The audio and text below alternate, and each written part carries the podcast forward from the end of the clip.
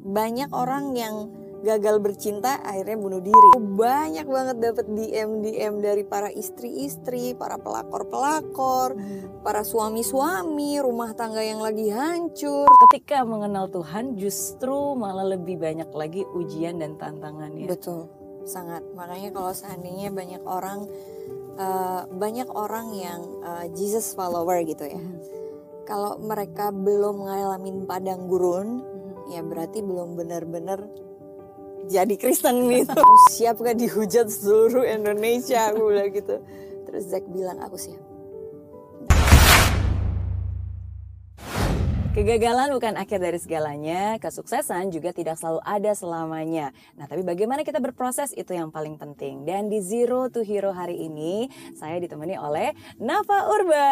Eh,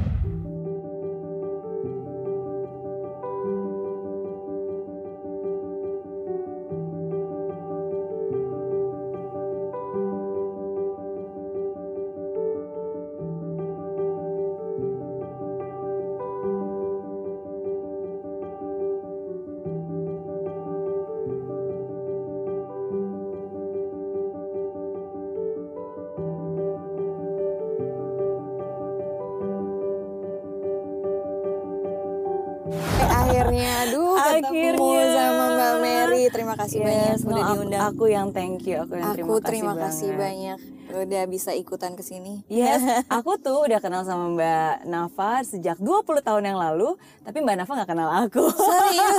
Enggak, so kenal ya. Maksudnya cuma kenal tahu, wah nah siapa sih yang nggak tahu Nafa Urba, bener nggak sih?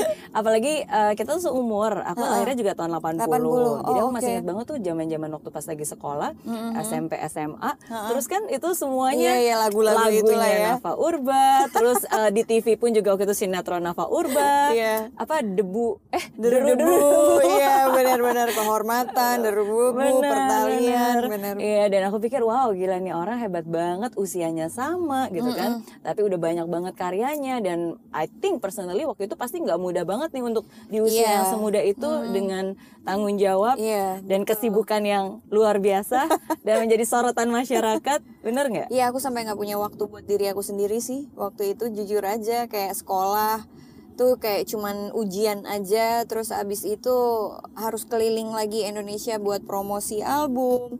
Terus abis itu pulang dari promosi album harus syuting sinetron kayak gitu-gitu. Syuting iklan tapi luar biasa. Maksudnya itu pengalaman yang tidak semua orang bisa dapat kan. Jadi aku bersyukur banget dikasih kesempatan sama Tuhan bisa jadi artis Indonesia waduh Eh, aku masih ada loh fotonya loh. Nah, nah, nah, Masa lihat, sih? lihat, lihat, Ketemu kita di lihat. mana? Kita lihat dulu, kita lihat. Oh my god, Mbak Mary, kamu mengejutkan aku. ya, ini nih coba ya kita tebak ini foto pas lagi ntar. Jangan-jangan kita teman sekolah lagi. Oh, enggak, ini. Ini dari Instagramnya Mbak Nana. Oh iya, iya, iya, iya. Umur ya 14 tahun lah itu. Iya, 14 15 lah. Ini ya, 14 15 ya. Luar biasa. Tapi tapi itu dia ya, maksudnya sometimes kadang-kadang kan kita eh, yang melihat dari luar, kita selalu melihatnya wow, enak banget ya, masih muda, udah berada di papan atas gitu kan. Banyak orang yang juga udah usia segitu usianya udah berapa kali lipat aja belum bisa mendapatkan posisi se dalam tanda kutip hero Iya. itu. Bener nggak? Mm-mm. Ya memang kalau sebagian orang berpikir pasti ngelihatnya enaknya aja gitu. Tapi being a celebrity is eh, apa bukan sesuatu hal yang mudah. Karena di dunia eh, entertain itu kan banyak tuntutannya, ya kan kamu harus ter- dituntut keren, dituntut mewah, belum lagi sesuatu hal yang banyak sekali tuntutannya yang it's so duniawi yang harusnya sebenarnya eh, kita sadar bahwa kita adalah public figure. Public figure itu adalah suatu icon role model masyarakat itu sendiri gitu. Jadi kalau seandainya public figure ini eh, terjerumus ke dalam apa hal-hal yang seperti itu kayak apa-apa harus ini itu apa segala macam harus eh, bukan cuman kasihan dianya tapi kasihan juga yang followernya juga gitu kan. Hmm. So at that time mungkin karena aku belum terlalu kenal Tuhan juga gitu kan. Jadi aku tidak tahu uh, what is my purpose in life gitu kan. Oke. Sampai akhirnya when I know my purpose in life then aku bisa benar-benar menggunakan nama besar aku ini untuk suatu hal yang lebih positif gitu. Oke, okay. di uh, kapan kamu uh, mulai mengenal Tuhan dan akhirnya mengetahui your purpose in life? Umur 23 tahun. Umur 23 tahun. Yeah. Oke, okay. what happened? Uh, waktu itu aku sakit hmm. aku sakit terus putus cinta ceritanya lucu sih sebenarnya jadi awal permulaan aku kenal Tuhan tuh umur 23 tahun pas waktu itu aku sakit hmm. aku harus ke Singapura sakit apa ini bronchial cystic Oke. Okay. Harus di apa operasi lah gitu bronchial cystic itu gitu. Tapi pas waktu itu kebetulan juga lagi putus cinta gitu kan. Hmm. Jadi kayak wah mau mati rasanya gitu kan. Karena problem kebanyakan manusia itu adalah problem kebanyakan hati hmm. itu adalah pada saat mereka itu merasakan sakit hati rasanya pengen bunuh diri. Hmm. Banyak orang yang gagal bercinta akhirnya bunuh diri gitu kan.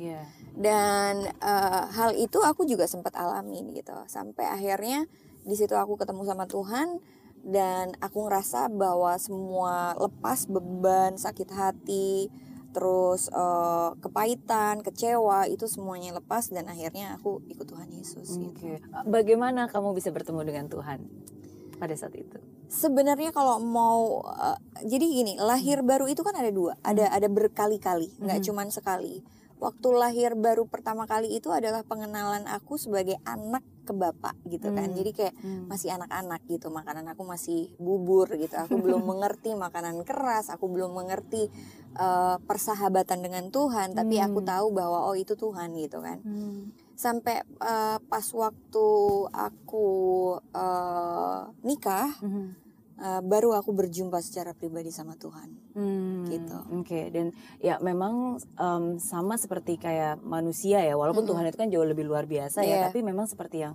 Mbak Nafa bilang selalu pasti ada prosesnya ya. Yeah, Maksudnya saat proses. kita kenal dan tahu karena kalau misalnya tadi mendengar dari ceritanya Mbak Nafa uh, aku pun juga jadi ingat kalau hmm. zaman dulu aku kan memang terlahir Katolik dari sejak hmm. kecil pasti ke gereja dan seterusnya. Hmm. Tapi aku tuh selalu menganggap Tuhan itu kayak Allah Bapa yang Maha Kuasa yang jauh ada di atas. sana, ya kan sama. Aku juga pernah kok merasa, ih jauh banget kayaknya susah terjangkau gitu Betul. kan. Dan kayaknya kalau mau ngomong sama dia tuh kayak, aduh pokoknya oh, harus suci iya. dan oh, harus ngomong oh, yang penting-penting. Pokoknya dan... harus ini banget ter, ter apa namanya terkoordinasi tertata, tertata ya dengan, dengan sangat baik yang baik dan betul sopan. sekali iya jadi benar. aku tuh dari dulu seperti itu sampai um, pas lagi uh, aku harus jauh dari orang tua dan tinggal sendiri karena waktu itu kerusuhan dan sebagainya hmm. akhirnya aku harus di Singapura hmm. tapi justru jauh dari orang tua itu yang benar-benar mendekatkan aku ke Tuhan hmm. karena aku melihat bahwa Tuhan itu bukan hanya Allah Bapa yang Maha Kuasa yang ada di surga wow. tapi jadi jadi teman untuk bisa iya. cerita yeah. curhat hmm. dan mau ngomong pun ya nggak harus kayak iya. tertata yeah. bahkan uh -uh. kayak nggak tahu mau ngomong apa pun ya udah diomongin uh -uh. aja uh -uh. gitu jadi betul. jadi memang ada ada prosesnya betul betul mm -hmm. tapi mbak Nafa uh, kan tadi kan saya bilang ya bahwa hidup itu kan ups and downs betul. ada hero momennya ada zero momennya mm -hmm. um, mungkin banyak orang berpikir kalau kita mengenal Tuhan itu semua jadi baik-baik aja mm -hmm. tapi justru kalau aku baca dan aku lihat dari kesaksian Mbak Nafa uh, ketika mengenal Tuhan justru malah lebih banyak lagi ujian dan tantangannya. Betul, sangat. Makanya kalau seandainya banyak orang uh, banyak orang yang uh, Jesus follower gitu ya. Mm -hmm. Kalau mereka belum ngalamin padang gurun, mm -hmm. ya berarti belum benar-benar jadi Kristen gitu. jadi Kristen itu kayak kayak wajib banget kamu istilahnya ngelewatin padang gurun tapi harus gandengan sama Tuhan. Hmm. Karena kebanyakan orang pada saat mereka meng mengalami padang gurun, mereka nggak mau gandengan sama Tuhan, mereka nyalah-nyalahin. Hmm. Kenapa mesti gue? Kenapa harus aku kok kayak begini banget sih ikut sama lo gitu loh ngerti gak sih hmm. padahal justru di situ Tuhan akan memperlihatkan betapa besarnya dia betapa besarnya kasihnya dia dan betapa luar biasanya penyertaan dia atas hidup kita gitu hmm. nah banyak orang yang kadang-kadang kecewa sama Tuhan karena tidak diturutin apa yang jadi kemauan dia gitu kan yeah. kayak eh gue ikut lo kok malah jadi tersiksa kayak begini atau kok Betul. kenapa gue masih uh, jadi susah kayak gini yang memang seharusnya untuk kita ditelanjangi, untuk kita dikuliti secara roh, hmm. secara kawa, karakter, kita dikuliti secara watak, kita harus apa uh, ngalamin itu kalau hmm. enggak kita nggak akan lahir baru yang sebenarnya Hmm. gitu tapi kan banyak orang yang tidak mau saya mau tetap dengan watak saya yang seperti ini saya mau dengan kekeras kepalaan saya seperti ini kamu nggak suka ya udah bye gitu Iya, siapa juga yang mau hidup susah, siapa Iya. juga yang mau menderita, Eh, siapa eh. juga yang mau melewati pandang gurun. Nah, kan? padahal itu wah luar biasa loh Iya. aku ngalamin banget Oke. Em, aku em, apa ya? Aku salut dan kagum dengan Mbak kagum bisa aja nih mbak Iya, Merina. no, no, no, no, seriously. Karena we all, maksudnya sometimes kan kita semua tuh pasti punya uh, ups and down tersendiri Iya, ya. Dan betul. dan kita kan nggak semuanya bisa diceritakan ke banyak Betul. orang juga dan nggak semuanya juga harus kita ceritakan. Betul. Tapi we all know, maksudnya yang nonton pun juga pasti tahu gitu. Tapi em, ketika Mbak Nafa bisa mau dan berani untuk menceritakan apa yang dialami, which I think is definitely not easy. Bahkan sebenarnya mungkin nggak ada manusia satu orang pun yang aku kenal yang bisa uh, melakukan apa yang Mbak Nafa lakukan. setelah bertahun-tahun ya and that's amazing.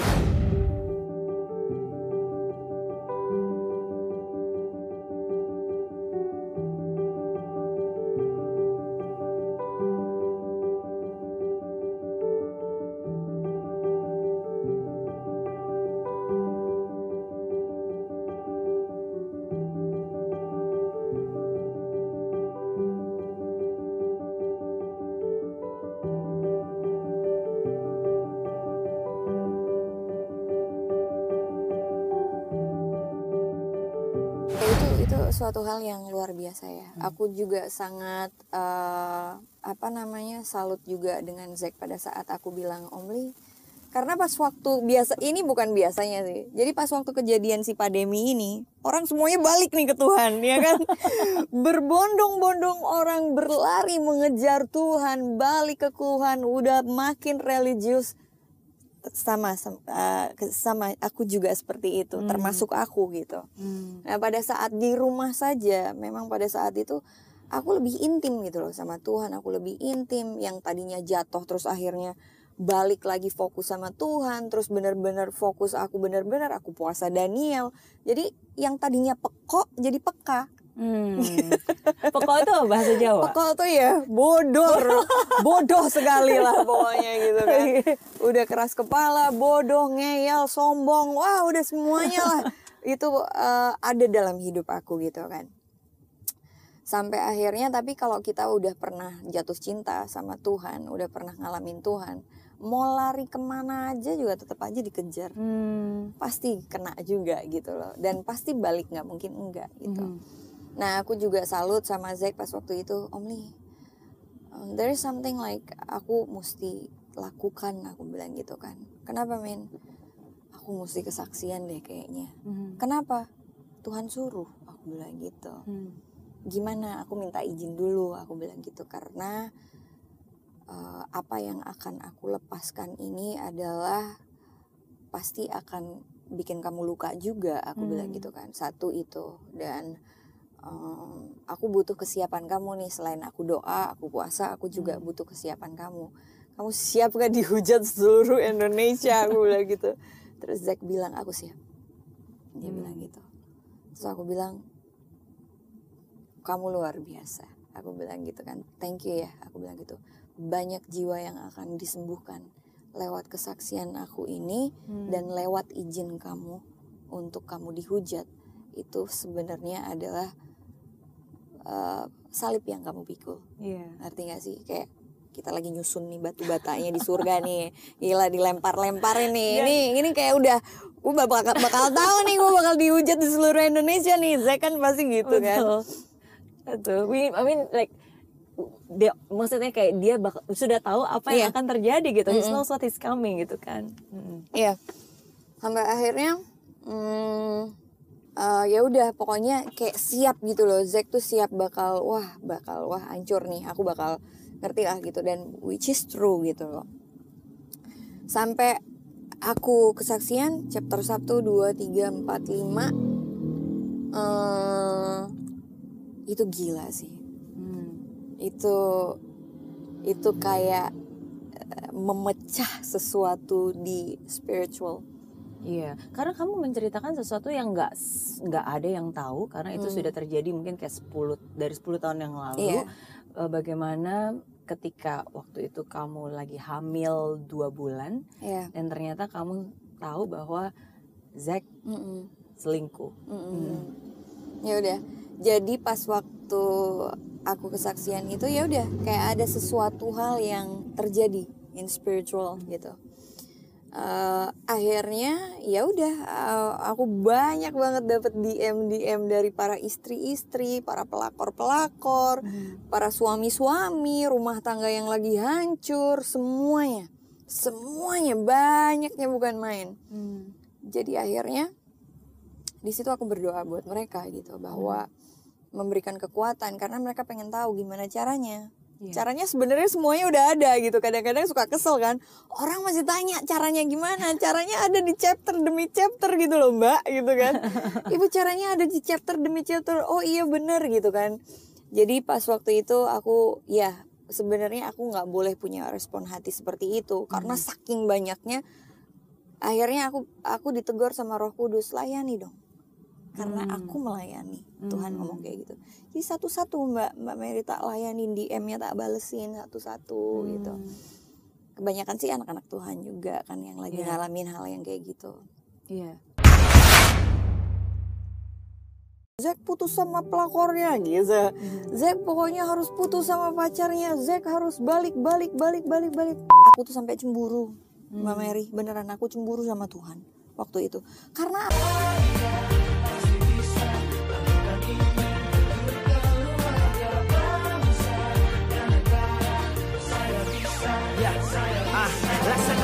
tanpa hujan, hidup tanpa tujuan, kering dan mati tanpa hijaunya tumbuhan. Ah, demikian kalau mimpi tak kunjung terjadi.